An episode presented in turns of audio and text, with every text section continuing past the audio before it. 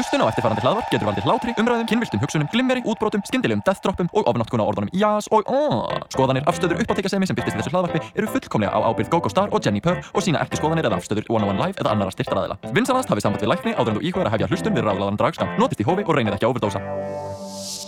Þú ert að hlusta útvarp 101 og þetta er ráðlaði dragaskamtu með uppáhaldsdraði drotningu ykkar, Jenny Purr. Og GóGó Star Ú, og þetta er svona hinsegin podcasta sem við tölum hinsegin hluti, draghluti, gay hluti og bara... Drag you know. Race og alls konar bara svona dragdót sem okkur þetta er í huga því við erum í útvarpinu, ójá Og þetta er þáttur númer 69. Hey, oh, 69 baby, Haldi, við erum búin að gera þetta 68 sinnum. Það er bara svolítið mikið Já, það, það er aldrei ómikið fyrir mig. Nei, það er búið að vera rosa gott að tala við þessum Hættum, einn á er bara, þetta er búið núna, cancelled, við bara, við erum hætt þessu. Nei, þetta er búið að vera rosa gott fyrir uh, geðhilsuna mína og egoið mitt. Að fá að svona, að fá að spjalla við þig í þessu, you know, Er gott fyrir egoið þitt að fá að spjalla við mig er það, Gerir það þér Nei. gott í alvöru? Er það að ég sé að rífa þig niður í Nei. beinni útsendingu að gera þér gott? Eh, Ég held að við værum svona, svona peppa þetta og bara aug, auglýsa þetta ofbeldi uh, Nei, nei, menna ég er alltaf smá satisti innstinni, uh, nei, masokisti, það er það, ég er masokisi, mjá. Masokissi, má Nei, það er satt svona, þegar maður er bara, ah, hvað gerir þú dagslaglega? Og ég bara, mm, ég er með podcast, mér finnst að vera svona nýja millennial svona, I'm on a juice cleanse, like, öllum er allir eru með podcast að tala um það sem þeim finnst mikilvægt í lífinu Já, Eh, nákvæmlega. veist, og hljóma einu við sem að dissa þau við erum þau, hæ, ég, er- ég er sumir I am that bitch Yes. Ú. En já, uh, þessi þáttu verður stútfullur af te og skoðunum og við, við verðum aldrei pólitíski í þessum þætti. Aha, ok. Uh, Þú veist, eins pólitísk og við getum verið ok. með, með sem hluti. Við, við ætlum ekki að fara út í við ætlum ekki að fara út í það sem er að gangi þú veist, uh, í íþróttamenningunni Sko, eðli sínu er alltaf pólitíst og því er mikilvægt að við tölum um pólitíska hluti. Við ætlum þó ekki að tala um uh, ástandið í heiminum utan dragheimsins, það er alveg nóg að ta tala um það. Þú getið heyrt það alls þar annar staðar en þið heyrið hvergi annar staðar fréttir úr dragheimunum í podcasti.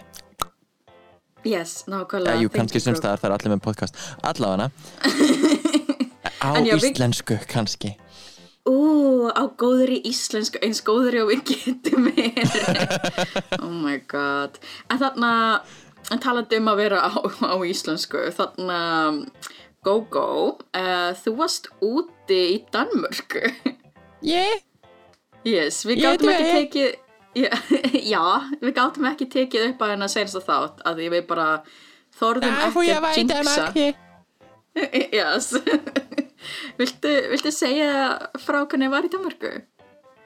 Sko um, Já, það var bara uh, ágætt Ég ætla ekki að fara eitthvað lengt með það Sko bara, þetta er greinlega frekar controversial opinion hérna en Ah. Danmörk er bara ekkert spes það Ah. er bara mín skoðun og ég og Bjarni minn bara erum komnir í stjórn Danmörkur Hattursklúpsins apparently Ok. og við erum bara að vera svolítið svona veist, í aðdraganda ferðarinnar það var sérst World Pride og Euro Pride voru sérst í Kaupanhöfn og svona sem partur af eh, bara skipulegjendum Reykjavík Pride að þá fórum við Ok, og- ok. svona tókum þátt í sérst, göngunni úti og alls konar gaman en einhvern veginn í aðdraganda ferðarinnar var þetta allan tíma svona ok, er fyrsta ferðin okkar eftir veist, eða svona í COVID-brálaði er þetta Danmerkur af öllum stöðum ok, spes. Að því að veist, fyrir okkur er Danmörk bara svo takmarkað heillandi. Og ég get færi út í aðeins af hverju. Ég, ég, I'm gonna read you bitch. Sko Sest, okay. Okay, hvað er skemmtilegt að gera í Danmörku? Og horfum bara á hvernig ok, veist, erum við að tala um Tivoli erum við að tala um Legoland veist, hva- hvað er hægt að gera hérna? Að þetta er bara, þú veist, flatt Ísland með læri drikkjar aldrei þú veist, þetta er svo og ef þú drekkur ekki eins og sumir að þá er drikkjamenning Danmörkur alveg rosalega leim og einhvern veginn það að allir séu drekkandi allstaðar og reykjandi inni allstaðar er alveg rosalega suppulegt What? Er, er, er fólk að reykja inni? Er það Já, leifilegt? veist, ekkert á öllum stöðum en á mjög mörgum stöðum. Og ég veit ekki, mér finnst það bara svo leim og svo er þetta hjólandi fólk hjólandi fólk allstaðar og sko, ok eitt sem ég ætla bara að koma að, hérna, bara, uh, talandi frá bara minni sál. Sko, ég er búin að heyra marga sem eru að gera mikið mál úr svona rafskutlunum hérna heima. Að þú veist, að rafskuturinn um allt að bara bruna fram manni og alveg ómögulegt og það eru lagðar út um allt. Ok, en þér finnst örgulega Danmörk frábær. Það eru hjól allstaðar, það er fólk að hjóla hérna, þú veist, þvers og kurs yfir allt saman og þú veist, enginn að dingla á neitt og bara, þú veist, þú ert- þú allstaðar fyrir og það eru hjól þvert yfir veginn út um allt og þér finnst það örgulega frábært, það er ekki vandamál að það er Danmörk og það er svona hugge og það get næs en, ég veit ekki, mér finnst það svo mikil flóðhestapæling, sko. Já. Já, uh, orðaforði, flóðhestapæling uh, að vera flóðhestur eða að vera hippó er styttinga orðin að vera hypocrite uh, Þetta fannst okkur fyndið einhver tíman og er svona komið inn í uh, okkar daglega orðaforða allavega minn. Já, smá svona insight uh, húmor til ykkar allra hlustendur. Að vera flóðhestur er að vera hypocrite. Yes, að það var mikið sens En já, sest, og við vorum annars í viku út í Danmarku og það var alveg heill dagur þar sem ok, það er ekkert í gangi á þessum miðvíkudegi hmm, eigum að beila á Kaupmannahöfn og kaupa lesta með það til Billund og fara bara í Legoland fyrir daginn. Og við gerum það bara. Uh, við bara stungum Já. af til Legoland og það var ekki mega næs fyrir utan það að eins og flesta aðra daga þarna úti að það var rigning. Þannig að við vorum bara eitthvað í þú veist uh, skemmtikarði on rides and shit veist, með uh, bara alveg grenjandi rigningu stundum. Þannig að við vorum uh, poncho kallar. Keftum svo gul Legolands poncho og vorum syngandi poncho, poncho man. I don't wanna be a poncho man. Og meðan við uh, komum okkur fyrir þetta var bara, það var samt fyrir gaman í Legoland. Og við höfum báður komið, komið áður sko sem bara krakkar. Mm. þannig að það var einhvern veginn ekki gaman að koma aftur svona sem uh, fullorðnir einstaklingar og vera bara, oh my god, ég man eftir þessu. Ég man eftir þessu svæði eða þessu, uh, þessu ræd og hvernig sumt er búið að breytast á hana ekki og úst, einhvern veginn fá að svona endur upplifa þetta mjög gaman Svo þið voru gæjanir sem voru bara ekki að farið frá annars krakka skítar með njálkarna eða einhver. skýtur að færa þig hérna og sko og við keiftum svona einhvern myndapassa bara upp á flippið uh, þannig að við Aha. sett, svona, fengum myndirnar úr öllum svona rætunum og rollercoasterunum sem voru með myndir og það er, það er oft svona annað fólk inn á myndinni með, með ykkur. Já. þannig að, veist, og við vorum með svona, ok, við hötum Danmörku og við ætlum að vera svona, mm, veist, á svipin alltaf, þannig að við erum svona, mm, ég er í fílu og svona unimpressed, mm, á öllum myndum sem mjög fyndið, en það er svo gaman að annað fólk í kringum hann er bara ekki, Hvernig og við bara giving no fucks, þetta var mjög gaman. Ó, mér langar að þetta fara Þú hefði, akkur, akkur, akkur, akkur tókst mikið með? Þetta er að koma með í handfrangri, Já, ok, samt svona, svo ok, lítil World og nett.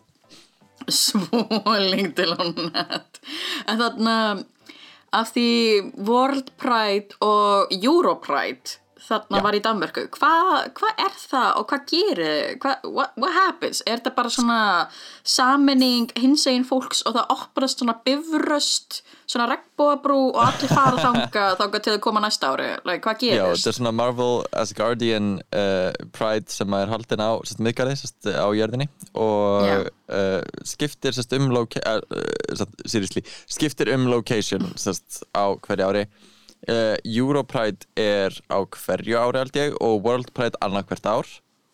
Ok, og þetta er rauninni hugsað sem sko uh, bæði Europride og World Pride þetta er saman pæling með bara að veist, þetta er svona bara að turbo-keira Pride einhver staðar í heiminum. Og þú veist að í Europride þá bara í Evrópu. Og uh, já, gera það bara ennþá starra meira, meira international og reyna að fá fleiri úst, á sama stað rosa COVID-friendly pæling og Ó, ok. Nei, veist, þetta var mjög mikil kaltæðni að því að þú veist að taka fólk úr öllum heimsóknum og koma þeim saman á veist, í lítinn klubba að djama það er ekki snitt, allavega En þú fórst. Svo var líka á sama tí tíma sest, uh, Euro Games sem að er sko hins egin mini-olimpíuleikar Er það ekki bara drag race? Þetta eru bara stelpur í fótbolta held ég. Uh, Ó, Drag Ok, og stelpur í nice. fótbolta. Um, woo! Sagt, það var á sama tíma þannig að það var alveg mjög mikið í gangi mjög mikið af fólki í bænum og uh, rosa mikið af svona stórum viðbyrðum og mér finnst ekki ótrúlega flott sem þið gerðu með hérna sérst, hvernig gangan eða göngurnar fóru, ég held að það hafi verið sex göngur allt í allt sem fóru sérst mismunandi gönguleiðir. Þannig að það var hverkið þú veist allur mannfögnarinn saman einhvern veginn. Ok, og endaði samt á sama stað í sko risastórum park þeim, sem þeir voru búin að splitta upp í þrjá eða fjóra sko svona parta. Svona Og í sóttvarna miðjunni- hólf þá já, ef þetta er meira svona hljómskólagarður sinnum, þú veist, tíu eða eitthvað. Þetta Ah, er ok. risastórt dæmi sko. Og þeir voru búin að hólfa þetta niður og þú varst að með einhvern passa bara, já, ég var að fara ná bleikasvæðið af því að við erum uh, Pride Delegates. Og þá fyrir þarna inn. Og þá í miðjunni er svona þrýnd svið sem að þú veist, er sama svið fyrir alla. En þú veist, er með þrem svona þú veist, snýr að öllum þrem svæðunum. Maður komist ekki þeirra á milli. Og svo er svona risastóri skjáir. Og annar staðar var sem sagt uh, svona eins og í laugadashöll eða þannig veist, sjó. Og þar var sérst verið að bara streyma beint þaðan og bara þokkalega vel uppsett. Það eina sem var mjög fyndið og er sko með svona tækni samspil á sýningum það er bara algjörlega mitt þetta á að vera velgert, þetta á að vera fullkomið. Þú átt aldrei að sjá svona veist, playtakka eða pásumerki. Þú átt ekki að sjá þú veist svona desktopin hjá einhverjum og svo svona færist myndband inn á. Ég hata það, ég hata það, hata það, hata það. Uh, bara, það á bara að vera skjávarp í gang og það sem á að fara í gang í gang. Bara það á ekki, þetta er ekki svona flókið. Ok, þetta, þetta fer ekki fyrir brjóstið að neinum nema mér, allavega. Sko, það var sérst verið að tengja þetta livestreami og sérst svo var uh, skip, aðal skipilengjandi fórseti hátíðarinnar eða eitthvað var sérst þarna með krónprinsessunu uh, krónprinsessu Damerkur og oh, vá. fórsetisráðuranum og uh, og held ég uh, borgarstjóra kaupmannhafnar eða eitthvað leis oh damn. Og, og þau voru öll semst að vera með svona stuttar ræður og eitthvað. Og já, bara næs og veist, eh, bara hamra á inclusivity og magnað að hafa einn bara, a, a royal a member of a royal family að vera einhvern veginn A real já, queen. réttindi. já, bara an actual queen. Hann er þetta prinsessa en ok. Og uh, að, að vera bara að hamra á hins egin réttindum sem er bara frábært Bara vel en gert. síðan var sest, á svona, ok, nú ætlum við aftur að fara í skemmtunarprogrammið uh, heyriði í mér svona í Holland? Hor, horfir upp á skjáin og þar er enginn. Þar eru bara einhverju nei. rótarar og svona hlaupa fyrir kameru öðru hverju að stilla upp fyrir eitthvað. Og hann bara við erum búin hér, getur við getur einhver kynir hinum einn, tekið við boltanum? Ó nei! Nei, enginn? Ef þið heyrið í mér, Copy Holland geðið eitthvað hljóð það heyrir enginn í mér. Og svo byrtist hann á skjánum í fítinu og svona en samt veist ekkert hljóð greinlega og hann bara, ó nei. Um, og hann eitthvað, hvað? Gera bændur nú? Oh my Eiga þeir kannski bara að syngja eða eitthvað, staðan í Ó, einhverju flippi. Og þá eru allir í gardinu bara eitthvað syngja, syngja. Og hann stendur þarna bara eitthvað, einhver, ég veit ekki úst, 50 svona mustache man sem er bara eitthvað, ó, ó, hann, hann gæti án þess að fara í neitt búning leikið, þú veist, Bastian Bæjarhókita í einhverju, einhverju uppsetningu sko. Úst, hann var svo fullkomlega bara úr kartimum bæ allavega, hann stendur þarna upp á sviði rosa næs og, og bara, úst, örgulega, bara freka næskur, skilju stendur þarna, menn allir eru bara eitthvað syngja, syngja og hann bara og hann byrjar að raula eitthvað lag. Bara svona einhverju hálfgjörðu paniki. Og sko og svona gegnum hálft lagi þannig að hann bara eitthvað heyrir einhver í mér, getur einhver tekið við? Þetta var mjög fyndið. Oh my god. Uh, og, svo, og svona pínu að hlæja þú veist að honum. En á sama tíma hann var að díla við þetta situation alveg freka vel. Ok, uh, nice. af því að, þú veist, hvað getur hann gert? Hann getur ekki bara farið, hann getur ekki verið bara hérna encore frá krónprinsessunni Oh my god En það var mjög gaman that. að taka átt í göngu líka að Ok. actually vera þarna sem bara eitthvað, vorum sérst nokkur við varum við og Svíþjóð og hérna einhver frá Evrópusambandinu og uh, Kanada og svo voru veist, miklu fleiri delegates Jú. og svo er svo voru Interpride fólk hann líka veist, að- þetta er svo mörg svona International Ooh. Pride uh, pælingar Ok, Og- work það verið rosa gaman að hafa þetta á Íslandi einhvern tímann. Mm. því að Þú- þetta, varst- þetta varst í- hljómar ótrúlega grand og rosa stórt en alltaf þetta er ekki eitthvað það huge dæmi En varst í drægi? Nei, ég ákvað að taka bara ekkert draf með mér og get leim ég sá svo harkalega eftir því sko. að vera að núti og ég bara, ok, ég er búin að vera bara miljón fyrir hins einn dag, ég verð svo upptekinn mér langar að fara út og bara einhvern veginn hafa það næs en svo bara, ég er í Danmarku, hvað er ég að fara að gera? Vist, ég drekk ekki, hvað, hvað er gaman að gera hér? Okkur er ég ekki í dragi að plugga mig í drasl. Að dansdrag er alltaf læg uh, en maður sá alveg hvað það var svona, ah, ég mér líður eins og við séum alveg svona þau eru með established eldri uh, drottningar. Og ég held Ok. bara, eiginlega bara drottningar. Og uh, sem er alveg established og frábærar í sínu fæi og eitthvað en mér finnst það rosalega lítið af einhverjum nöfnum sem að kannast við eða hefur tekið eftir Instagram eða heyrt af mm. af, þú veist, yngra yngri performinum. Það er eitthvað svona, ah, ég get að koma ekki stert inn en kannski bara næst. En þú, en ég að. Insta, en ég sá að Instastory hjá þér að Íslandsvinur okkar Adam All var á sviðinu, stóra sviðinu á þessast dragsjór sem var sko 6 klukkutímar eða eitthvað. Og frá damn. 6 til miðnættis og maður bara eitthvað, er þetta alvöru tímasetninga því þú veist að dragsjóm þá er þetta svona frá klukkan 6 bara eitthvað, því það ég á að mæta 9 eða Já, já, nákvæmlega. En það er bara eitthvað, nei, þetta mun byrja klukkan 6 og þetta eru, þú veist, bara 40 okkar performerar, ok, ok, ok. Ó, wow. Er fólk að fara að Ó, sitja henni 6 klukkutíma, það er klikað en já, við mættum og veitum ekkert hverja vorum að fara að sjá af þessum 20 og eitthvað og ég og Bjarni þarna og bara, ok, þetta er skemmtilegt. Og náum að vera aðna líka einhver klukkutíma áður en þurfum að fara á okkur annað. Og bara þegar við erum að fara bara, ok, eitt viðbútt, eitt viðbútt og þá var frábært að bara, ok, nú þurfum við að fara. Og, bara, og næst á svið, er það máður, nei, við erum ekki að fara neitt ok. We are going nowhere, honey. Nákvæmlega, sittum þarna og horfum á Adam All gera sitt. Og Adam All er búin að vera að gera gett skemmtilega hluti með sest, svona dragkonga trúpinu sínu, Boybox Mhm. og þau eru búin að vera að gera hellinga sest, online dóti og tóku þátt um því að dragfest uh, úti sem var algjört mess en samt gaman að það var til mm.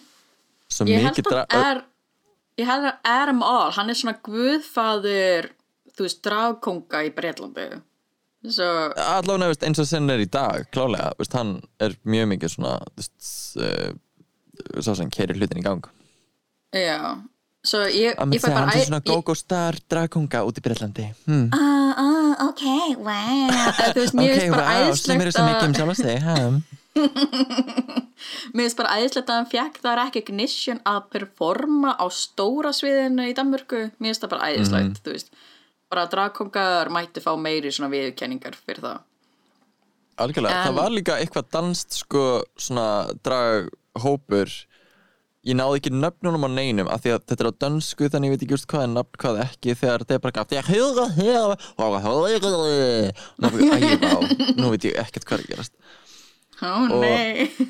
Og sko allir, fyrir mér hljómar danska bara eins og svona terkeli nýpe uh, karakterar uh, ef, ef þú veist það veistu að bara einhvern veginn allir karakterarnir í terkeli nýpe sem er svona fyrðuleg úlinga animated mynd dönsk sem að var í öllum dönsku svona tímum sem ég veit um og svona gera úrdráttum myndin og dæmi. Og alle sammen uh, spil, uh, snakkes om lite og einhvern veginn allir svona gett skrækir og tala ekki fyrirlega Þannig hljóma danska fyrir mér Allavega, það voru fjórir dragkongar sem tóku YMCA og það var gaman Sérst á sama sviði og Animal. Það var saga mín, takk fyrir, þú má klappa. Nei, þetta var ekki klapp, dammit.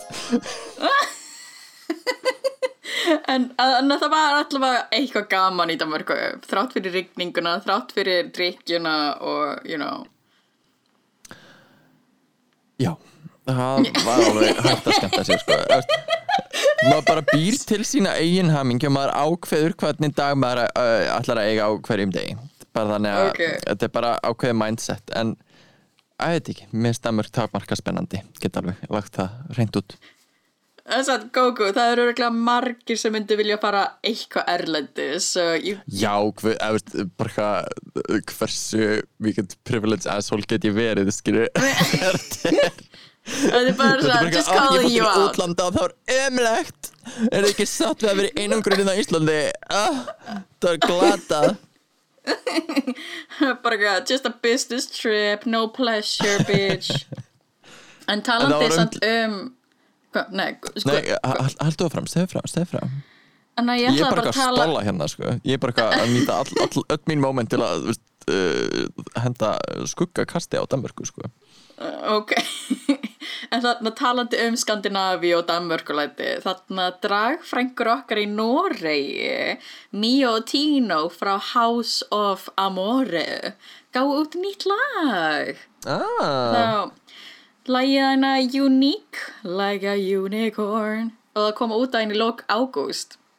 Cool. Og hérna viltu segja hlustendum hver Mio Eifjörð er eða Mio Amore er Já, uh, ég held um örgulega minnst á Míó einhvern tímann aður Míó er sérst ein bara svona uh, draggóðsögn á Íslandi sem að uh, bara er einmitt dragmóðir uh, starinu meðal annars. Og sérst, flutti samt sem aður út sérst, vann dragkeppni Íslands held í 2000 og svo aftur 2002 og ég held að Míó sé eina aðeins sem eru unnið tvisvar. oh, ég vildi að því að hinnir hafa ekki keft aftur að því þetta er svona, ég búin að vinna. En mjög fyrst vann tvisar, vel gert hún. Og Vel gert. flutti síðan til uh, Norex og hefur bara verið að gera það gott þar. Hóstar, veist, bara búin að stopna þetta House of Amore og bara gera það gott, gefa út lög og reglulegar sýningar.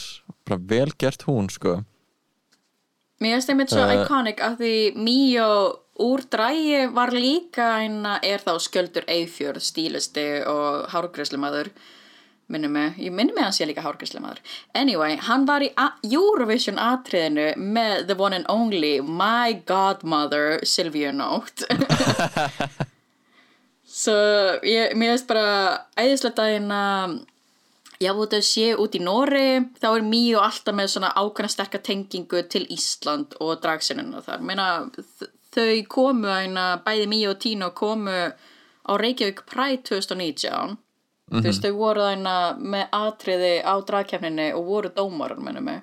Já, og voru hérna opnarháttíð hins eginn og alls konar sko Já, algjörlega. Svo ég er einmitt búin að vera einmitt að lusta á henni Unique Like a Unicorn sem ég veist super campy og þetta er einmitt bara svona you know, stundu þarfti bara smá þessar gay ass song Næs, sko, mér veist með bara svona draglög uh, kannski líka pínu controversial opinion, veist, mér finnst veist, jú, jú, veist, dragartistar meg alveg gera, þú veist þú veist, alvöru tónlist. Uh, bara eitthvað alvöru expressive dæmi þar sem þau eru að nota þú veist, bara uh, röddina sína til að, syngja og bara ætla að vera pop artistar og það er alveg nokkur sem gera það vel bara Blair Sinclair uh, Adore Delano, Adore Delano, uh, og það eru fleiri sem að myndust líka gefa út svona eitt og eitt lag sem er alveg serious. En fyrir mér er svona þú veist, dragtónlist eða ætla að vera dragkarakterin þinn að gera tónlist þá finnst mér það þinn það er bara comedy sem að mér finnst það eiga að vera. Mér finnst það bara eiga að vera eitthvað svona fáránlegt flip, svona popkultúr uh, svona veist, benda á og gera grín og svona gera einhverja punta þannig og Unique Unicorn er, er mitt svoleiðis lag. NMD fíla meira eins og það sem Alaska er að gera. Og, Já. og Seri Vine og svoleiðis. Já, það er líka svona lög sem þú getur sungið á sviðinu. En ég held að Unique sé meira bara svona you know, it's one of those club songs. En það sem ég veist ekki líka svo krútlega dagina um, ég veit ekki hvort að ég var búin að segja þér en einhver tíman á Dragsú þá voru norska stelpur í salnum þú veist, túristar before Oj. COVID of course, ég veit. Og það voru eitthvað, you know, living. Það voru bara eitthvað, oh my god, þetta er æðislegt. Bara eitthvað, vá hvað drag er æðislega hlutur og ég held þetta var áður en Open Drag Stage byrjaðir í Oslo. Mm. og, og þær voru eitthvað að tala þú veist, eftir sjóið þá voru eitthvað að spjalla. Og töluðu um bara eitthvað, oh, ég vildi óska að það væri, þú veist, sterk dragmenning, þú veist, í Noregi. Ég var bara eitthvað, ó, það er alveg einhverja dragdróningar í Noregi og það er bara eitthvað, já, þær eru þær eru tvær æðislegar í Stavanger eða þess að Stavanger. Og ég var bara eitthvað, ó, uh, einn þeirra er actually íslensk. Og þá var bara sagt, damn it, I thought we had something. Og ég var bara eitthvað, ah but of course he's Icelandic. She slays. Og ég var bara eitthvað that's right honey. Þú veist, ég ætla ennþá að claima Heglínu, ég ætla að claima Mio þú veist, you can't take that away from me. Bara þetta er svona, ef það er Íslandingur úti ef það er Íslandingur úti að gera eitthvað góða hluti you know I will claim them.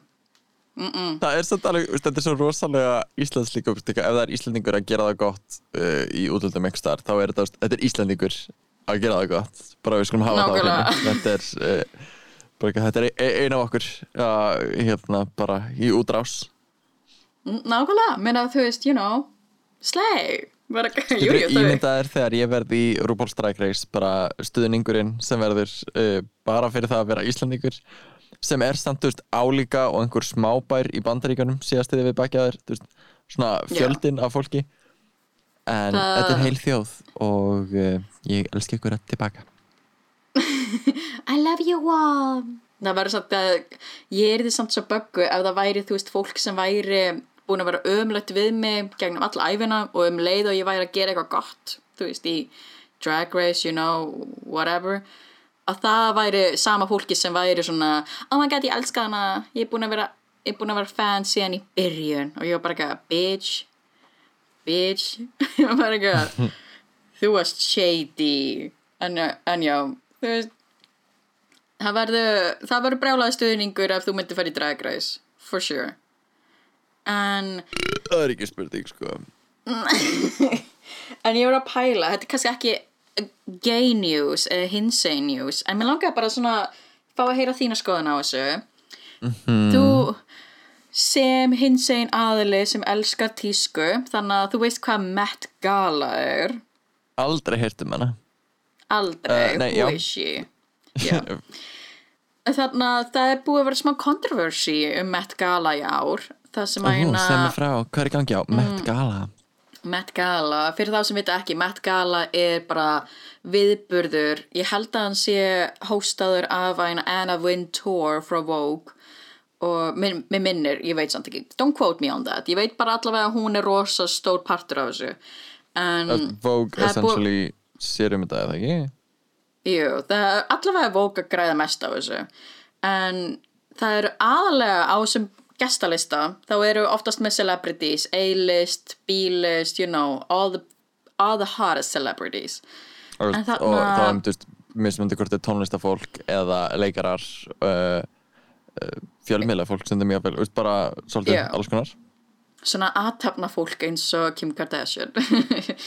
Ég elska þetta aðtapna fólk. Anyway, talandi um aðtapna fólk uh, á gestalistinu er rosa mikið af áhriföldum aðalega tiktokerar sem eru búðin á Met Gala núna í ár og þetta er bara dálítið kontroversial af því hvað er þessi úlingskrakkar sem dansa sjö sekundna dans á TikTok að gera þannig Mér finnst Svo- svo fyrðulegt af hverju það er endalist haldið á mótið þessum kreaturum bara, þetta er bara einhverju krakkar að dansa bara, þetta er svo sjaldan krakkar að dansa sko.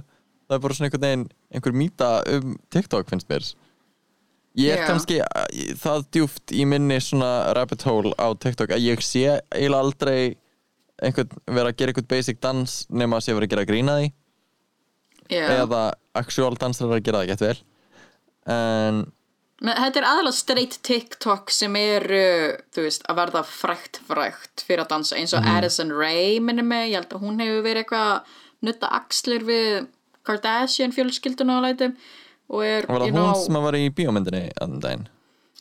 Já, æna He Saw That. Hún var Já. æna í einhverju remake. Þetta var það fyrsta myndi það sem hún var að leika í. En, og svo er þetta Bella Porch hefur verið séðan að litlu krútlu asísku stelpuna sem gerir minimal hreyfingar með andlitinu sínu og er bara eitthvað fucking cute as girl. Hún, gaf, hún er líka búin að gefa út lög eins og Inferno og Build a Bitch. Þú veist, hún er, hún er búðin á þetta. Og ég held að James Charles er líka búðin aftur á þetta. Já, hann var í uh, hitti fyrir að það ekki? Jú, hann var í svona öryggisnælu ból já, sem var sem fekk alveg brjála gaggrinu fyrir að vera bæði þarna sem áhrifavaldur og líka bara að þetta var ekkert það eitthvað groundbreaking tíska sem hann var að gefa út.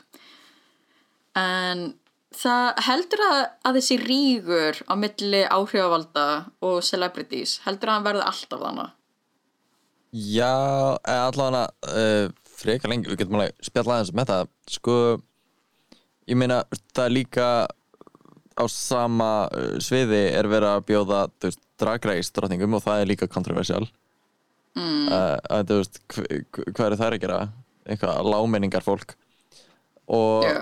fyrir þú TikTok er eitthvað, ég held að sé bara almennt sem áhrifavaldar held ég að þetta sé alltaf svona okkur lítið öðruvísi heldur en svona típisk celebrity menning og að því að þetta er öðruvísi að þá er þetta nýtt og skeri og þau skiljið ekki þannig að ég held að sé rosalega erfitt að einhvern veginn koma því alveglega að án þess að það sé einhver ríkur þannig ég held að svo ríkur verða alltaf til staðar. Og minnst það gett leðalt að því þetta er veist, bara þetta er alveg álíka vinnstælt skilju en með, samt, þegar öll er bátnum kólt þá er veist, Met Gala fyrir mér snýst svo fullkomlega bara um lúkin og eiginlega óháði veist, hvaða design er veist, í eða eitthvað, það er svo mikið sem fer þarna fram sem er síðan referensað setna þetta er svo gott svið til að gera eitthvað statement. Já, og veist, bara alveg eins og með Óskarinn og eitthvað, veist, þetta er svo ógeðslega gott dæmi til að bara veist, fara all out, gera eitthvað brjála statement með fötunum þínum og uh, já, bara skilja eftir sitt spór -hmm. þannig að minnst svona jú, það er aðeinslegt að sé vera bjóðafyllt fólki en ég þóra að vefja að nánast enginn að þau mun gera eitthvað skemmtilegt fashion wise ég held að muni gera eitthvað rosa safe fashion wise þeirra. En þú veist, myndir þú ekki það- gera myndir þú ekki gera eitthvað safe ef þú væri að mæta hann í fyrsta skipti? Nei, Ó, ok Ef, veist, minnst sko að taka þetta einhvern veginn alla leið og minnst það svo, sérstaklega eins og bara það er svo mikið kontroversi í kringum þetta af hverju ættu það að bjóða þér aftur ef þú ert get boring og safe? True, true. Og, veist, og ef þau bjóða þér ekki aftur að því þú varst off out of the box þá allan varstu out of the box. Minnst það einhvern veginn aldrei, aldrei, uh, aldrei stóla á að spila það safe. Good You, morning you from heard it here, folks. You heard it here. Aldrei að spila það safe nema í rúminu By GoGo Star Use protections jú, Ég meinti jú, þannig. Það er það sem ég meinti heldur að ég sé ykkur vanila uh, uh, uh, uh. Það er ég sé einhver vanilu stjórnufiskur, ó nei Nei, það er bara eldgripir, eldgleipi hérna og you know, all that jazz. Uh. En já, anyway. en talandi með einn drag og, og læti, þarna varstu búin að horfa á Sorry, mér langar að tala aðeins meira um Met Gala uh, Ó, ok, ok. Þú ferði ekki alltaf áfram. Ég er ekki að þú ert svona að sjá um prógramið og bara, nei, ok, nú ætlum við að tala í næsta ég mm, Nei, ég er með fleiri hlut til að segja. Góka með skoðanir. með skoðanir Ok, Sko- hvað finnst þér um Met Gala? Nei, bara, eh, segðu þú mér kannski bara talandi um Met Gala því mér ég hérna bara fyrst verið með þetta og myndum stemst á James Charles lookið sem að, veist, ég man ekki alveg eftir, ég man bara um það var eitthvað svona safety pin dæmi og var svona mjög boring og það var eitthvað svona strappy.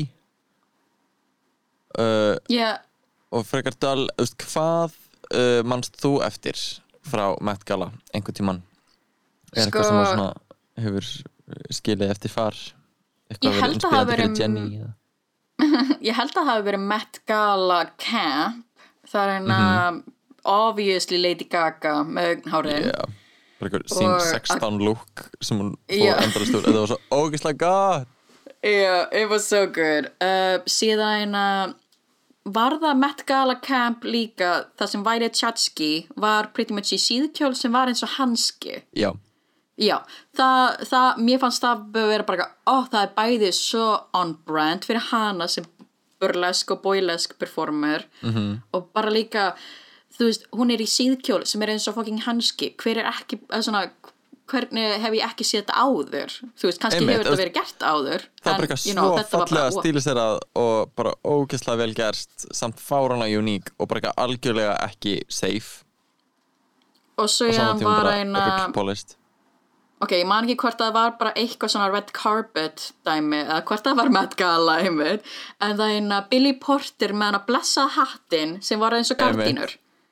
Það bara það er bara eitthvað fucking fashion fyrir mér. Ég var bara eitthvað, oh my god, I love this so much. Bara pretty much, Ég held ok, að það hef ekki verið Met Gala en ok en bara pretty much allt sem Billy Porter gerir er ég fashion, darling, bara eins og Peppermint segir fashion. einhverju sex gaurar eða eitthvað sem að báran inn á svona, eins og svona egifskum stó, gullstól. Það var aldrei með kamp Met Gala lukkið hans. En fashion. En- og ég líka, Uh. ég elska líka eina, ég held að Todrick Hall var í jakka sem stóð bara á bakinu bara, bara Black Queens Made Camp. Að það var eitthvað ég held að það var eitthvað einmitt svona statement bara eitthvað, allt þetta hvíta fólk í þessu camp dæmi en það var actually svarts fólk sem bjóð til camp camp, -hmm. þú veist ballroom camp. Og ég veit ekki, ok, ég veit að þú ert ekki hrifin af þessu átviti en Mugler kjóllin sem, eina, sem Kim Kardashian var í það sem að lúka eins og Já, hún sé þarna- blöyt Þarna dúst einus lukkið Seriously, að að það var svo, núd á henni og svona rúst þannig að það lukkar eins og bara, veist, eins og sé bara svona stór anus framan á henni. Og svo eru svona demantar þannig að hún sé blöyt þannig að það er svona, veist, freshly dúst anus coming down the runway, mama. Og ok, ég er bara ekki I'm living for that look. Kannski ekki rúst dæmið or the anus looking thing. En þú veist, ég fíla bara svona ah, það er bara eins og hún var með bara eitthvað coming out of the ocean bara dripping and juicy nákvæmlega bara eins og einhver rúsína allur líkamærin og þú veist, bara ekki búin að vera hérna í hafinu bara eitthvað síðustu 16 ár og nú er hér er fram anusinn minn. Ekki málið fyrir mig uh, svona svo silky svona silky nutmeg svona framrass Oh my god. Go go En já, ég veit þú, En aftur, þú ert ekki aðdándi af því lúki En hvað. Hvað svona stendur út hjá þér þegar kemur að Met Gala? uh, ég held að við verið margt aðeins sem þú bendur á en ég myndi bæta einu við sérstaklega þegar við erum að tala um camp met, metgalað uh, ég held að uppáhaldslúki mitt sé örgulega Janelle Monáe sem var í, þetta var mjög stert motíf á þessum tíma og er alveg svolítið ennþá þetta svona, þú veist, uh, augu og uh, einhvern veginn augu og munnar svona á fötum einhvern veginn. Já, já. og, sest, og hún var með sest, hatta frá sömu gælu og hérna gerði svona uh, gardínu hattinn á Billy Porter. Ó, ok. Og með sest, þetta var svona hattur á hatt á hatt á hatt svona skuldur upp úr einhvern veginn. Yeah. og svo var hún með sest, augu á brjóstunum sem blikkaði Oh og my god, svona- já, já. Og svo hitt auga var svona veski og ég fikk, þetta er svo cool þetta er svo, einhvern veginn Oh. svona fávist mig, Picasso veist, þetta er svo skemmtilegt. Og Var fáránlega þetta- campi Var þetta nokkuð sami uh, designer og gerði lúkin fyrir Miley Cyrus þegar hún var eina með öllu verið, þetta er allan alveg frekar svipað en þetta var meira svona finnst það betur stíliserað Já, líka fucking er einmitt það til mobile.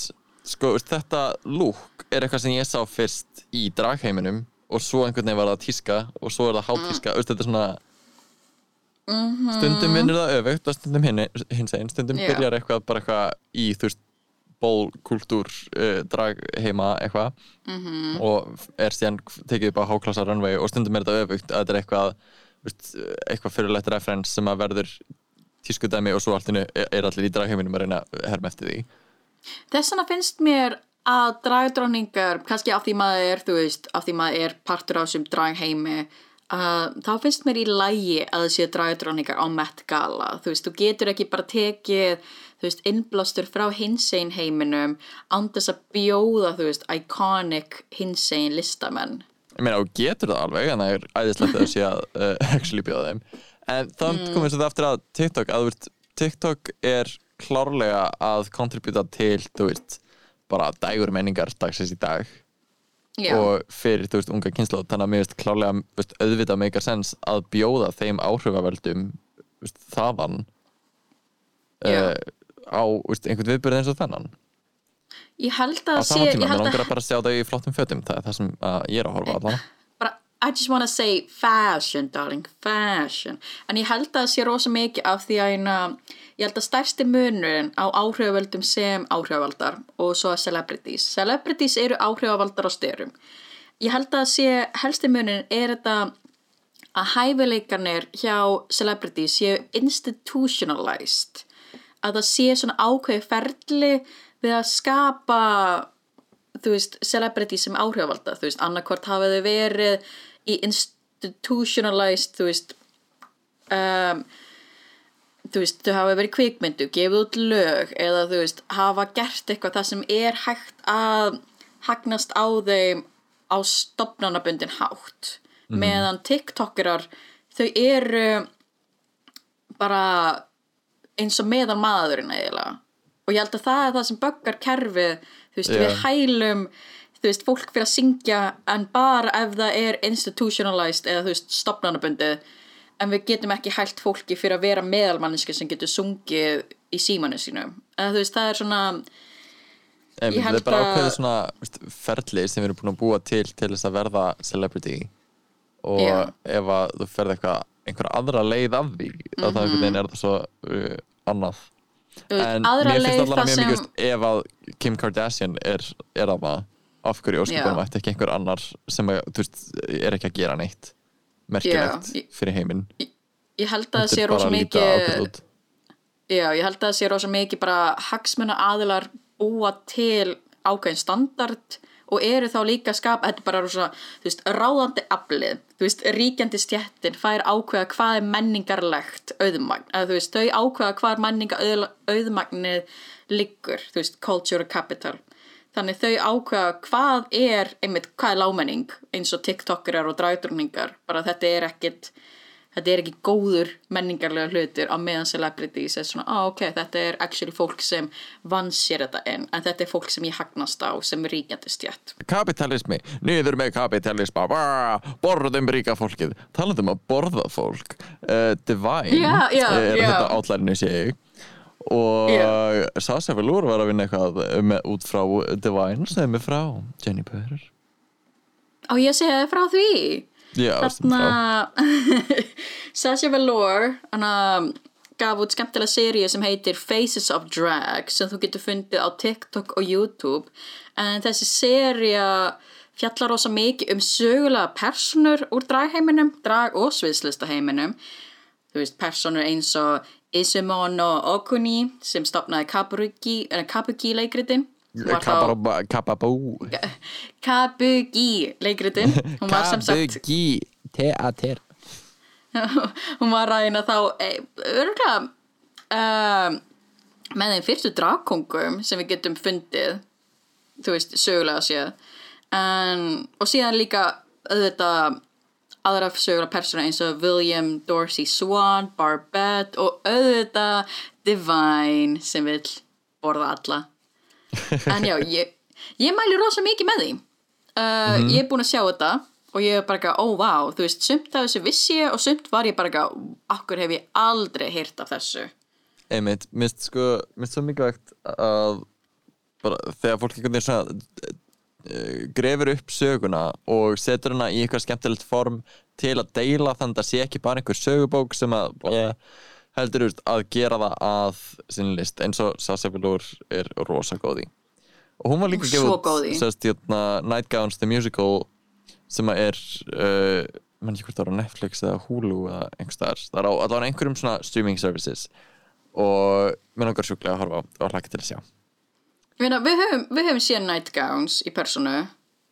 Mm bara mjög metnaðfull sýning hjá henni bara, þú veist, og myndi alveg Bara svona sambarlegt atriðin- og dragsúur þannig séð að uh, það er að segja þú veist, þetta er rosalega mikið af fjölbreyttum listamönnum, ef þetta er ekki bara uh, draga drottningar og þetta er ekki veist, þetta er alls ekki eitthvað þú veist, drag race uh, sjó þetta, er svo, þetta er svo mikil list og svo mikið lagt í þetta sem er ekki bara eitthvað svona djam, búms, umts, umts að fagnar rosalega dragist þeim list.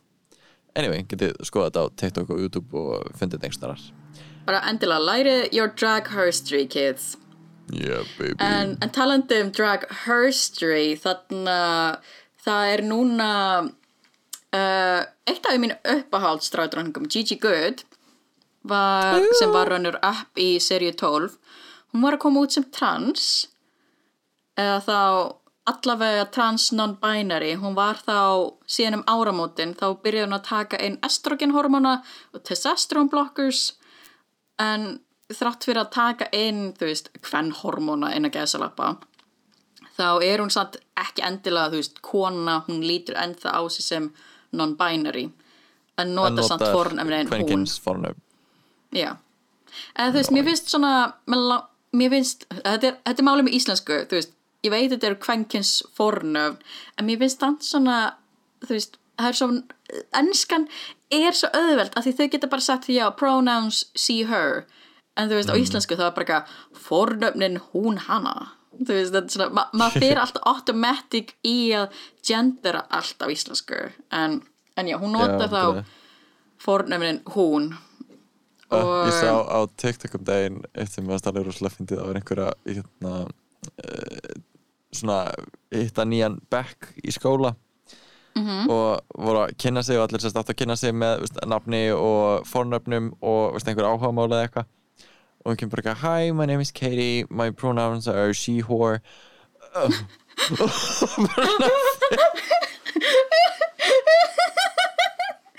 Ó nei yep. Og það er svona svo típist eitthvað I'm a sea whore My pronouns Oh my fyrir god sko. Jennifer að nota þetta í einhverju mixi eða eitthvað. Án jokes. Það er samt svona Þú veist, ok ég, Þú veist Kyrvitund er alveg mikilvægt að þú veist, að, you know, validata viðurkenna og og þú veist, við ættum öll að verða fórnum, en ég veit ekki, þú veist við, þetta verður kannski spjall fyrir annan dag en veistu hver Ollie London er? Nei, Ok, Ollie London er gæi sem vill vera eins og Jimin og reyna K-pop. Svo þetta er Ok. gæi sem hefur eitt marg, marga miljónir í að líta út eins og asískur gaur.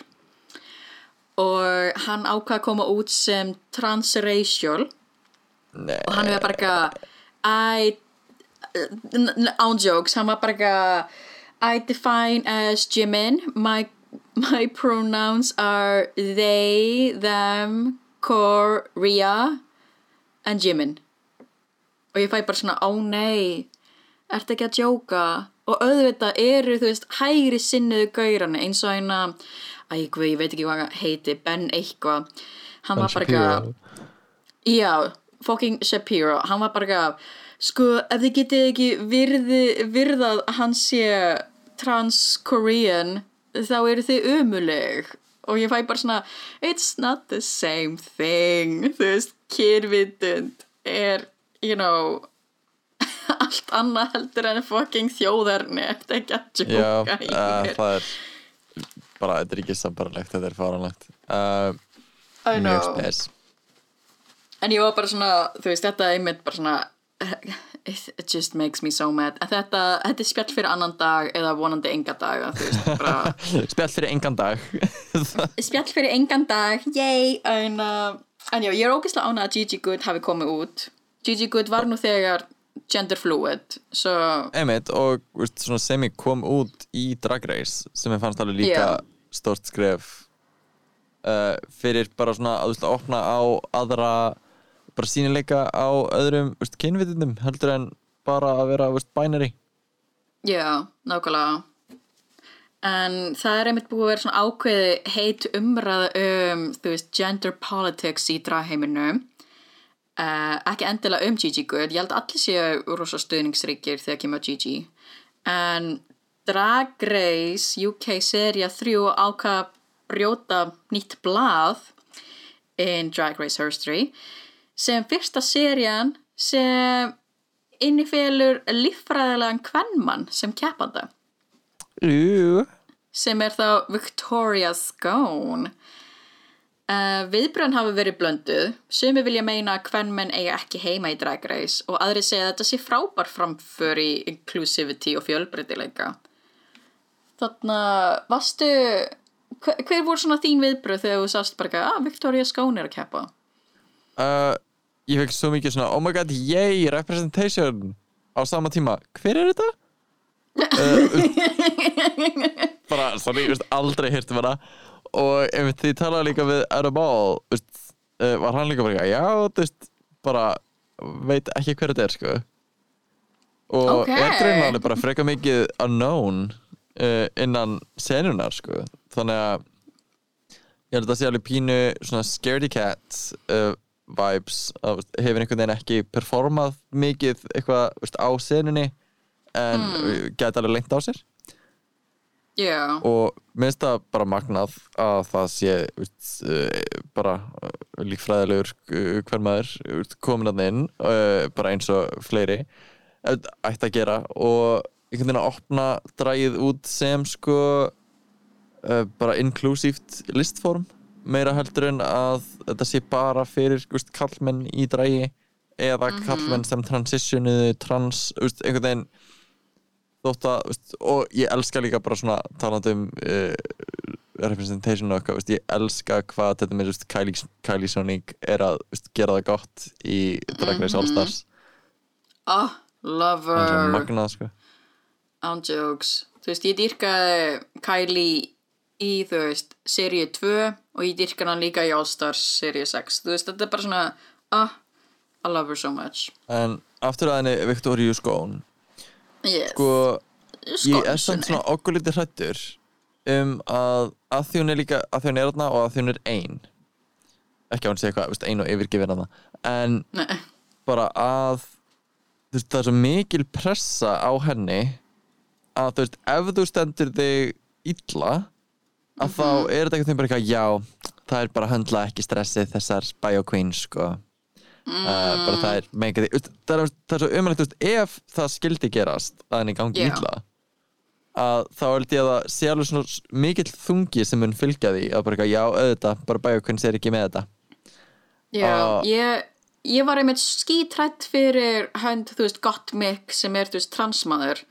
Þú veist, svona, að því það var einmitt bara oh my god, fyrsti ever transmaður. Og þá voru örugglega þessi brjálu pressa bæði, þú veist, að representa alla transmenn og bara, you know, komast langt. Og svo ertu með þín ein persónlega markmið í Drag Race. Og þetta er svona yeah.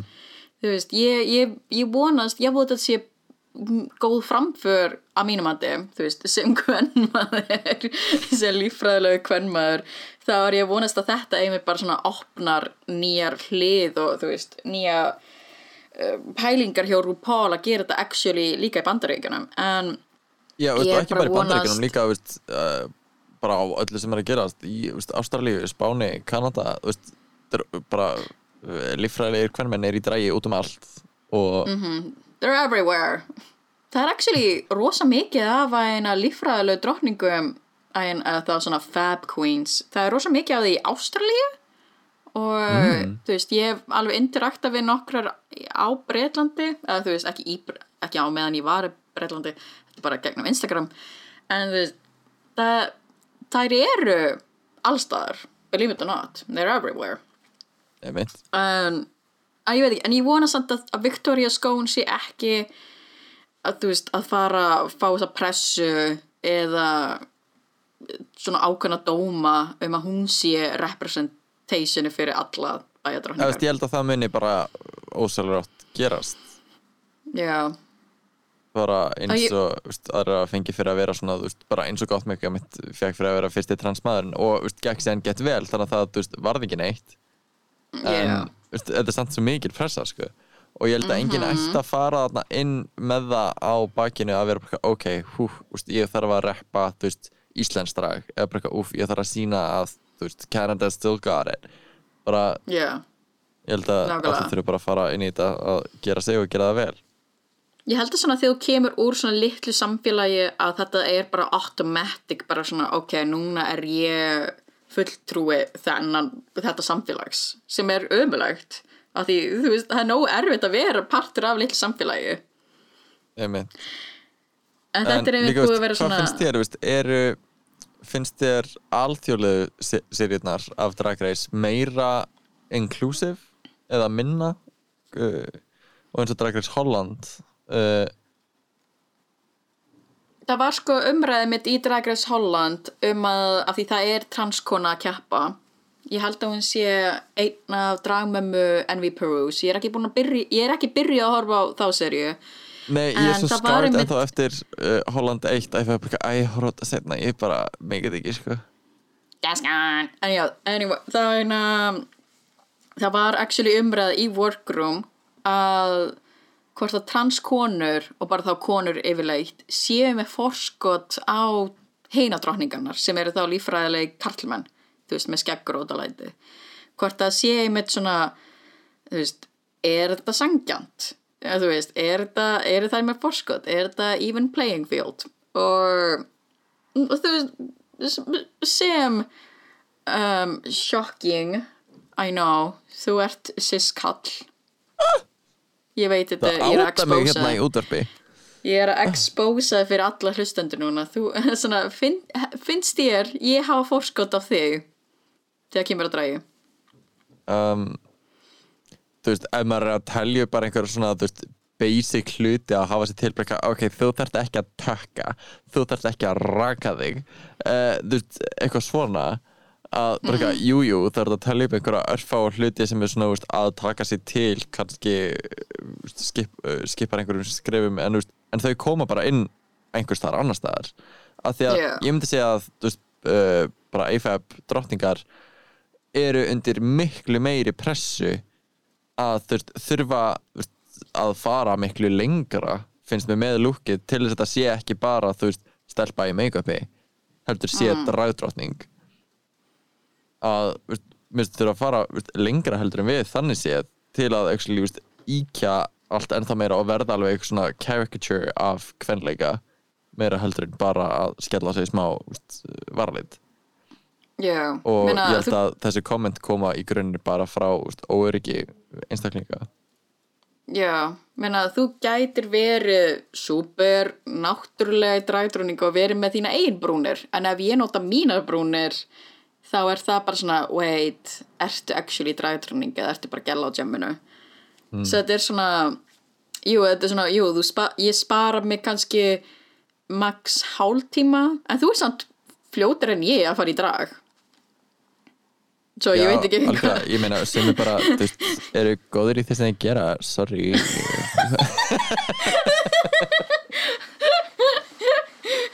Get on my level Ah. en já, ég myndi sko uh, ég fæ svona, ok, ef við erum bara að keppa um þessar mínútur, þá, jú, jú þá eru hvern menn, þú veist með forskot. En erum við þá ekki bara að tala um laser hair removal, þú veist er þá ekki bara eins og detox þá með forskoti við alla einmitt, ef veist, mér finnst það svo kjánlegt þegar þetta er komið inn sko á úst, transumræðina að bara eitthvað, hmm, úst, og það er líka í fullt af sko uh, svona pageant keppnum að þá sem mm -hmm. það er bara eitthvað þú mátt ekki vera búin að fara í lítaðgerðir uh, úst, það þarf ekki að vera kynleðirningaferðlið eða eitthvað, bara þú mátt ekki vera pumped nema í Ó. andlitinu eða eitthvað oh. það, að því veist, það er svindl Oh. og svona, þetta er svo gamlir staðlar sko.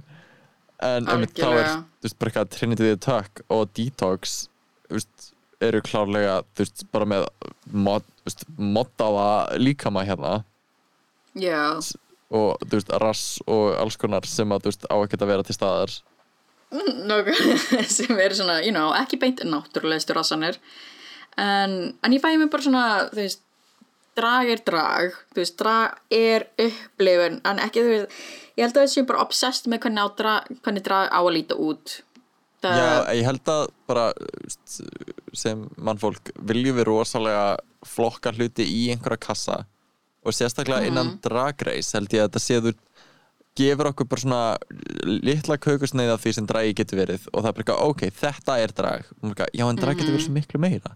Þannig að þegar Algjörlega. einhver er fyrir utan þetta, þennan kassa að þá einhvern veginn er þetta svo mikil barátta að, að stækka kassan til þess að inklúdera þetta líka. Og þá á sama tíma að því að drag er svo counter culture einhvern veginn að þá bara eitthvað, ó, er þetta orðið mainstream núna? Þá ætlum ég ekki að gera það lengur, þá ætlum ég að finna eitthvað fyrir utan kassan til að gera það. Þannig að ég held Já. að það er alltaf svona ákveðin barátta við þetta líka bara svona að verða meira og meira mainstream. Algjörlega. Þetta er svona, you know þú veist you're all born naked and the rest is drag. Ég, þú veist, ég verði svo til í að við myndum bara hafa gaman af dragi ekki vera eitthvað busy um, þú veist, business hlutin eða þú veist, ó nei, er þetta mainstream, þá vil ég ekki þá verð ég að finna eitthvað til að branda mig. Þú veist, að þú ert hrifin af hárkollu stíl, já þetta sé ekki lengur í tísku. Then just keep on doing that girl. Þú veist, svona af hverju getum við ekki bara sko- gert drag fyrir okkur? Ég við með alveg sagt það áður en mér finnst svo sumir tala um og ég skil alveg part af því og er alveg svolítið sammála part af því að þú veist að uh, það að AFAB að AFAB sagt, assigned female at birth uh, dragdrottningar séu þú veist, að gera drag af öðrum ástæðum eða þú veist að þetta sé þú veist eitthvað annað heldur en þegar cis kallmaður fyrir drag. Sem ég svona, ég skil pælinguna en ég er ósamálið við að þetta er heima á sikkur sviðinu. Að þetta get ekki verið partur af sama þú veist, dæmi, að þú veist í grunninn þá erum við öll að þú veist, leika okkur að þú veist, hvernleika og karakterum og einhverju sem að þú veist, við býr innra með okkur sem að oftar en ekki okkur hefur verið hafnað í lífinu og þóttu þú veist, AFAB manneskja að þá er þetta, þú veist, þú veist samt sem áður að einhvern veginn slepp einhverju lausu sem að þú hefur ekki fengið að gera í þínu daglega lífi. Og alveg eins og þú veist, allir sem stund að draga geta lært gett mikið frá draga karakterum sínum bara með því að þú veist, sleppa sér og skemmta sér upp á sviði. Algjörlega. Þú bara, Ég- mhm, mhm, preach. Mm-hmm, preach girl, yeah, slay. Yes. Ok, slay ok, ok, slay. En þú veist ég, ég er alveg hjartalega sammálaði bara við getum lært bæði af hvort öðru í dragheiminum og þú veist líka af okkar eigin dragpersonu þú veist þetta er svona you know, Jenny hefur hjálpað mér rosa mikið og mér veist svona hægt og róla þá er línan á milli Gogo og Sigga mjög blörruð. Já, sem er bara svona jákvæmt ég held að þú hefur aldrei verið hamingjusamur og þegar þú byrjaði actually veist, að vera full-time dragdroning ég held að you know, að þú veist, þú varst alveg hamingjusamur fyrir það. Nei, aldrei. Aldrei. Það you know já, how it já, is. algjörlega. Er já. En þarna, viltu tala eitthvað um smá um Drag Race All-Stars áður en við slúttum þessum þætti? Já, bá, við erum alveg komin í klukkutíma hérna. Herðu, já, já. eh, bara örstu drag race recap. Recap. Brum, brum, brum að sko kannski aðalega bara að tala um þetta game within a game the Silky Nutmeg Special. Uh, hvað fannst þér? Hvað skilur þetta eftir? Fyrir þá sem að er ekki að horfa bara spoiler alert wíu, wíu, wíu Újú, újú, újú að við erum að tala um sest, að Game Within a Game í All Star 6 Já. var uh, það að, sest, að, að allir sem voru eliminated gáttu gett svona lip sync battle eftir að þeir voru eliminated sest, að koma aftur einsinni og uh, lip synca við sest, þann sem fór heim senast eða þann sem er að vinna þetta lip sync dæmi og reyna að koma sér aftur inn og þetta var heill þáttur af baráttu Silky Nutmeg Ganache að koma með ný props að koma með ný gimmick til að gera við hvert og eitt lag. Og jújú, jú, svo sem alveg pínu plus veist, að, það er gaman að sjá uh, hvað veist, með þetta svona raunverulegri dragperformansar hef, hefur eiginlega nokkuð tíman sérst í Drag Race. Af því þetta var, veist, hvernig get ég verið uník, hvernig get ég staðið núti ég þarf ekki að vera nýkomin af einhverju Secretary Runway og fara að gera eitthvað lag sem að veist, passar ekki til það heldur, veist, bara ég get búið til lúk og uh, bara gimmick út frá hvað lægið er og gert drag atriði ekki bara and splits. Og mér finnst það mjög skemmtilegt að einhvern veginn sjá bara þann aspekt af dragi fagnarloksins í Drag Race. En þetta var bara svolítið veist, sigur för uh, Silky þegar hún bara kom sá og sigraði frá því hún mætti og bara veist, vinnur sex lip-syncs og er svo á sínu sjönda á móti Eureka sem bara var að fara heim og sko, pældi just þessum degi fyrir Eureka og Oh hún er búin að God. gera þú veist, bara main challenge uh, búa til eitthvað drag, batna dæmi og leika viðkomandi, veist, mæma viðkomandi á sviði uh, fá kritíks uh, og lenda í botninum vera send heim og svo byggja nei þú ert ekki í botninum þú ert að fara að lipsynka núna á móti Silkinett McGanache farðu í ljótasta leotartiðin og fyndu hárkolluna sem þú ert ekki búin að nota og komdu hérna upp á svið og gera eitthvað skemmtilegt. Og hún bara ok, fá allar tilfinningarnar. Og og spoilers aftur en mér finnst svo fárálegt að einhvern veginn, að þetta var svo mikið bara the Silky episode og síðan kemur Eureka og ég bara, ok mér finnst eitthvað svo kjánulegt að Eureka sé ekki að koma tilbaka þannig að ég held að þeir sé að fara að bjarga báðum Já. en nei, endar á því að Nei. bara Eureka kemur þannig að þetta var pointless Já. þeir hefðu bara getað veist- seifað Eureka Í Mér, mér fannst þetta, ok, sure, þetta var skemmtileg þáttur, mjög svona skemmtileg tilbreyting, en mér finnst samt svo illa gert að gera þetta þegar topp fjögur. Já, að fara úr topp seint fjögur yfir í topp fimm. Já, mér finnst þetta allt og seint. Ég hefði viljað hafa þetta, þú veist, topp sex, að þú veist, að sjötta drottningin gæti komið aftur. Því að mér finnst það bara svo mín að því maður sá, þú veist, topp fjögur, allir gett, yey, fagna, þú veist, Trinity, Kylie, Ginger og Rasha, við erum bara ekki, yey, topp fjögur, og svo er bara ekki, nah, bitch. Sko ég get að hvernig það var gert í All Stars fjögur að þá var þetta top 6 og þá Mm. voru sérst, þá búið að eliminita fjórum minnum mig Já. og þeir fjórir komu aftur til að lipsynka móti einhverjum öðrum fjórum Já, og Manila og uh, hérna, ekki Monique heldur Monet voru uh, safe og fengur bara svona að horfa já. Þú veist, mér fannst það að því mér finnst svo illa gert að setja bara þær í hérna rússibanna. Þú veist, og núna er ég að tala sérstaklega um Trinity. Uh, you know, að þú veist, þú ert bara ekki, oh my god, ég er actually top 4, ég gat þetta. Og svo bara ekki, nei, fokkaður. Þannig að Júríka ætla að tala um að skýta á sig og þú ert farin heim. Og maður bara ekki, great. sko ég er endur alveg margt að segja um það ég er mjög ósamála ég Ó, ó, Sérst- ó, mér, það, er, það kemur einhver aftur í hverju einustu seríu af Drag Race get over it uh, mér er sa- hvort sem það kemur í top 4 eða þú veist, top 6 eða hvað það er einhver að fara að koma aftur það er eitthvað double uh, save einhver tíman eða eitthvað svoleiðist dæmi. Hætt að væla. Og með Trinity, hún er búin að vera um svo stink hún er búin að, og hæfileika búnt og bara, þú veist, búin að vera að gera það gott í All Stars uh, mér fannst hún reyndar ekki eiga að vinna í annars skipti sem hún vann. Uh, þannig að þegar hún var að ég er með eitthvað, uh, ok, sure Farðu niður af high horse-niðinu en finnst hún búin að vera með svo stingi neikvægt attitude allan tíman sem bara enginn er að tala um. Og um, þú veist, þegar hún var kosin sko, að þegar var þarna, veist, svona hver er líklega styr til að, þú veist, skýta á sig? Veist, og allir voru að skrifa einhver nöfn. Og veist, hún var kosin, the mest moody eða eitthvað, bara, ég er ekki er það að tala um? Og, og gerði bara eitthvað ógeðslega mikið eitthvað, já, akkurat þetta sem þú ert að gera núna og líka og þið kusi mig til að fara heim, nei, þú kust þig til að fara heim og ein önnur. Það voru fleiri mm. vóta, ég er ríka, það voru fleiri veist, bara, ég skil ekki að þú veist að hún er bara svo neikvæð og svo að væla endalist yfir öllu. Þannig að þetta fór alveg freka mikið fyrir brjóstið á mér þegar hún var einhvern veginn allan þáttinn bara eitthvað svo defeated og svo bara eitthvað nei ok bara Júrika er að fara að kom- koma hérna og ég er að fara heim. Að því ég er líklegust til að fara heim bara eitthvað, já, ef þú ætlar að tala svona þá já, af hverju minnst líka svo kjánulegt einhvern veginn í þessu þegar voru allar endalist að tala bara um track record. Já. en auðvitað auðvilt að sitja eða heima og horfa á bara ef ég var að, þá myndi ég gera þetta.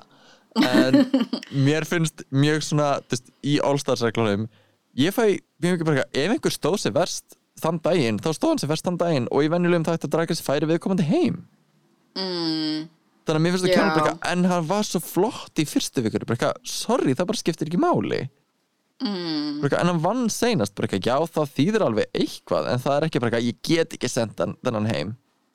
Og ef þú hefur valdið af hverju þá ekki að vera eitthvað, já, uh, ég hafði möguleikan á að senda þú veist mannilu heim þannig að auðvitað tók ég það mig langar að vinna. Þú veist, af hverju ekki? Stir shit up Já, ég held að þetta sé rosa, rosa flóki þegar þú ert actually þannig á staðunum. Þú veist, ég myndi ekki púla neði á mig smás, ég væri alltaf skítrætt bæði, þú veist, í keppninu sjálfur og utan keppnina. En þú þetta er alltaf hefur massa áhrif utan keppnar en mér langar bara að Já. sjá meira, ok yeah, I just want more drama. En, en ég samt alveg, þú veist, sammálar, þú veist, ef þetta væri venjulega drag race, þá hefði Trinity farið heim, get set. En, að ég veit ekki, ég tengi bara svo mikið við þetta andlega ástand sem hún var í, þú veist, ég veit ekki hversu oft ég hef, ég hef verið bara eitthvað, oh my god, ég var svo nálag í að ná þessu markmiði eða þú veist, þessu dæmi eða þessu tækifæri en þú veist, en heimurinn sagði bara, nei, fokka þér en að, þú veist, ég hef verið og þú veist, ég myndi örgulega vera þannig að þú veist, ég myndi örgulega vera með svona trinity moments ef ég sjálf var í drag race og ég væri, þú veist, bara eitthvað, oh wow ég var svo nálagt því ég ætla að vera bara super þunglind af því þú veist, það er bara ákveð enginni þunglindis hjá mér. En ég veit ekki, mér finnst bara svona you know, þetta er svona iconic top fjögur við erum hérna með tvær stóra drotningar eina transkonu og Rasha Nullast Ginger líka svolítið út sem stór drottninga því hún er svo lágvægstein já, ég held svo you did there. Um, Það var En já, mjög mér finnst myndi það You're mjög gott sko. og með þetta top 4 sem við erum með að ég elska að Kylie sé þarna uh, bara því hún er líka búin að vera að gera bara geta gott í þessari serju Ginger er búin að vera að rúla þessu upp. Rasha líka er búin að vera sko uh, gera bara það sem að mér finnst einhvern veginn öllum langar til að gera í All Stars. Að koma Já. aftur og vera bara eitthvað nei, þú veist, bara ég er búin að betur um bæta mig sem mannesku og ég er frábær, actually, sorry, þú hafði ránt fyrir þér. Og ég er bara eitthvað, vá, já, ég hafði ránt fyrir mér, þú ert æði Já, algjörlega, maður bara eitthvað, ó, hún er actually æðisleg. Ó. Já, því þú veist, ég var skítrætt þegar hún var að hún er í þessu kasti og ég var bara eitthvað, ó nei, hún mun örgulega vera leiðileg, oh my god ég er ekki, og þú veist, og maður bara eitthvað, ó, she proved me the fucking wrong, maður eitthvað, yes, Raja, work. Sko, ég sé alveg fucking- fyrir mér svona production svona að hafa bókað hana til að vera með drama og vesen eitthvað og svo er hún bara gett nice og standa sig ekki vel það er bara, damn it, ok. God damn it, við þurfum annan villain. Damn it. En þú veist, ég, bara am I the villain? Am I the villain? Am I the drama? Þú veist, ég, ég sakna Scarlett svo mikið. Mér finnst það bara svo iconic. En þannig að ég er ógeðslega ána að Kylie Sonique gekk ógeðslega vel að því so far hafa flesta trans drottningar sem hafa komið inn þú veist, Gia Gunn og Jiggly þú veist, annarkort fara þær mjög snemma heim eða eru þannig fyrir TV-drama þú veist svo ég er bara ekki, ok, þannig erum við með trans woman representation sem er actually successful og jákvæð og góð og bara svona er ekki með the villain edit. Bara ég er ókysla fein með það. I'm so glad. Bara ég elska hana, hún má vinna. Hún er, er sigurvera í mínu hjarta ég veit að það Ok. er einhverju sumir sem er bara ekki, að langar að dra- dragdróning í yfirþyngd vinnur. En ég fæ bara svona but I want a trans woman to win. I want Kylie to win. Já, veist, það er alveg að færa rauk fyrir öllum sko algjörlega. Ég held að það sé veist, alltaf þannig, það er alltaf hægt að færa rauk fyrir uh, öllum sem að veist, eiga sens á því, að svona yfirleitt. Og sérstaklega með þetta þá er þetta svona, veist, ok, veist, fyrsta uh, bara big girl eða fyrsta trans bara eitthvað, burt sér frá því, mér finnst þetta ekki að snúast um bara eitthvað, fyrsti þessi aðilinn til að bla bla bla heldur bara, veist, hver bara vinnur hver vinnur sér inn fyrir því og hver er að standa sér best. That is true, that is true Svo ég er eiginlega bara sátt með hvað sigurvegar sem er. Nema þú veist, mm, ég vil freka Ginger vinni heldur en Júrika en þú veist. Veist, minnst svona, ef maður á að búa til eitthvað svona packing order þá er Júrika klárlega neðist bæði bara svona uh, upp á það að hún er ekki búin að vinna mikið og hún var stend heim og jú, fekk að Já. koma strax eftir eftir að segra Silky. Hún, hún vann eitt challenge Nei, hún, já, nú, Jú, já hún núna. vann, hún, hún hana Að- Cunty monolog dæmið. Já. Kundu monologs. Kuntu monologið. En já, þú Já. veist, ég er mjög Hvað var hefur þú bara talað um í kundu monolog? hvað hef ég talað um, þú veist, oh my god, hvað hef ég ekki talað um? Talað þú veist, það er alltaf mikið af hlutum sem ég gert og hef lent í bara, you know don't put me on the spot. Hvað veitir þú tala um? Uh, ég veit ekki, það virkaði eins og að væri nokkrir að pæla í einhverjum svona, þú veist, vandralegum sögum sem þú endar á því að svona, þú veist, standa uh, standa upp með, þannig að ég veit ekki alveg, veist, hvort maður myndi taka eitthvað svoleiðis eða emitt taka eitthvað bara eitthvað, ég skeit á mig þarna. Eða uh, uh, bara eitthvað, ég pissaði á mig okay. ég veit ekki, maður verður svona kannski, kannski næsta þætti, þá skulum við taka svona kuntumonolog you never know. Er það ekki það sem gerum alltaf? Já, reyndar, reyndar, that is true. That is true. En já, erum við spennt fyrir næsta og seinasta þætti vonandi að Drag Race All Stars? Uh, já, já, ég, maður er orðin svo Já. jaded og þetta er orðin svo mikið og ég, ég er ekki að kvarta uh, ég er meira Mm. bara svona mér finnst veginn svona endirinn á seríunni er búin að missa svo allt alla þyngd að það var svo mikill hápunktur en núna er þetta bara Mm. eitthvað, já og hvað það kemur eitthvað strax á eftir því þannig að við bara fylgjumst með þar Race ég- UK Já, nákvæmlega, ég er bara eitthvað þú veist, I can't keep up þú veist, ég er ekki búin Sko, að horfa á sem að Mér seríuna líður eins og sé orðið svolítið eins og veist, það að fylgjast með Drag Race og tala um það er orðið eins og að fylgjast með einhverju sápuóperu. Þú veist, það, það er Aha. engin endir. Þetta er bara svona heldur áfram og það er bara nýjir rætirar og nýjir leikarar að koma inn. Já, e- þetta er ekki eins og Rick og Morty þar sem það fær, þú veist, á spil á milli þátta. Einmitt. þú veist, þú getur ekki talað um þú veist, samsæriskenningarnar. Like, ok. En, en go go er komið jæja? Það er komið jæja. Ég, Það ég, ég, jæja. var svona, ég var að býja til að þú myndir segja það sko. ó, uh, ég myndi komið jæja. Nei, ég, ó, jæja. Ó, jæja, jæja. Þannig að við erum búin að tala um margt við erum búin að tala um gender politics við erum búin að tala um, guð veit hvað hvað, þú veist, Danmörk Já, Danmörk sökkar. Uh, bara svona, jæja, draðið allt saman við tölum um margt og mikið. Uh, Danmörk Já. var uh, glötuð en við náðum að gera gott úr þessu dæmi. Og hlökkum til að sjá okkur á World Pride einhverstaðar annars þar í heiminum einhvern mann síðar. Drag Race er næs og Silkinat með uh, Ganache stóðu sér vel og bara gaman að sjá svona drag alveg, alveg dragatri í Drag Race og allir að koma út sem trans og Bioqueens að gera það gott í uh, heiminum. Þannig að bara, já go við yes. Flott ríka, go go. Flott. Á þessum nótum ætlum við að segja það gott. Yes, ok, yes, ok bye hlustendur. Bye, síðast að næstu okay, nei, það næstu, sorry, bye, ok, bless. Ok, bless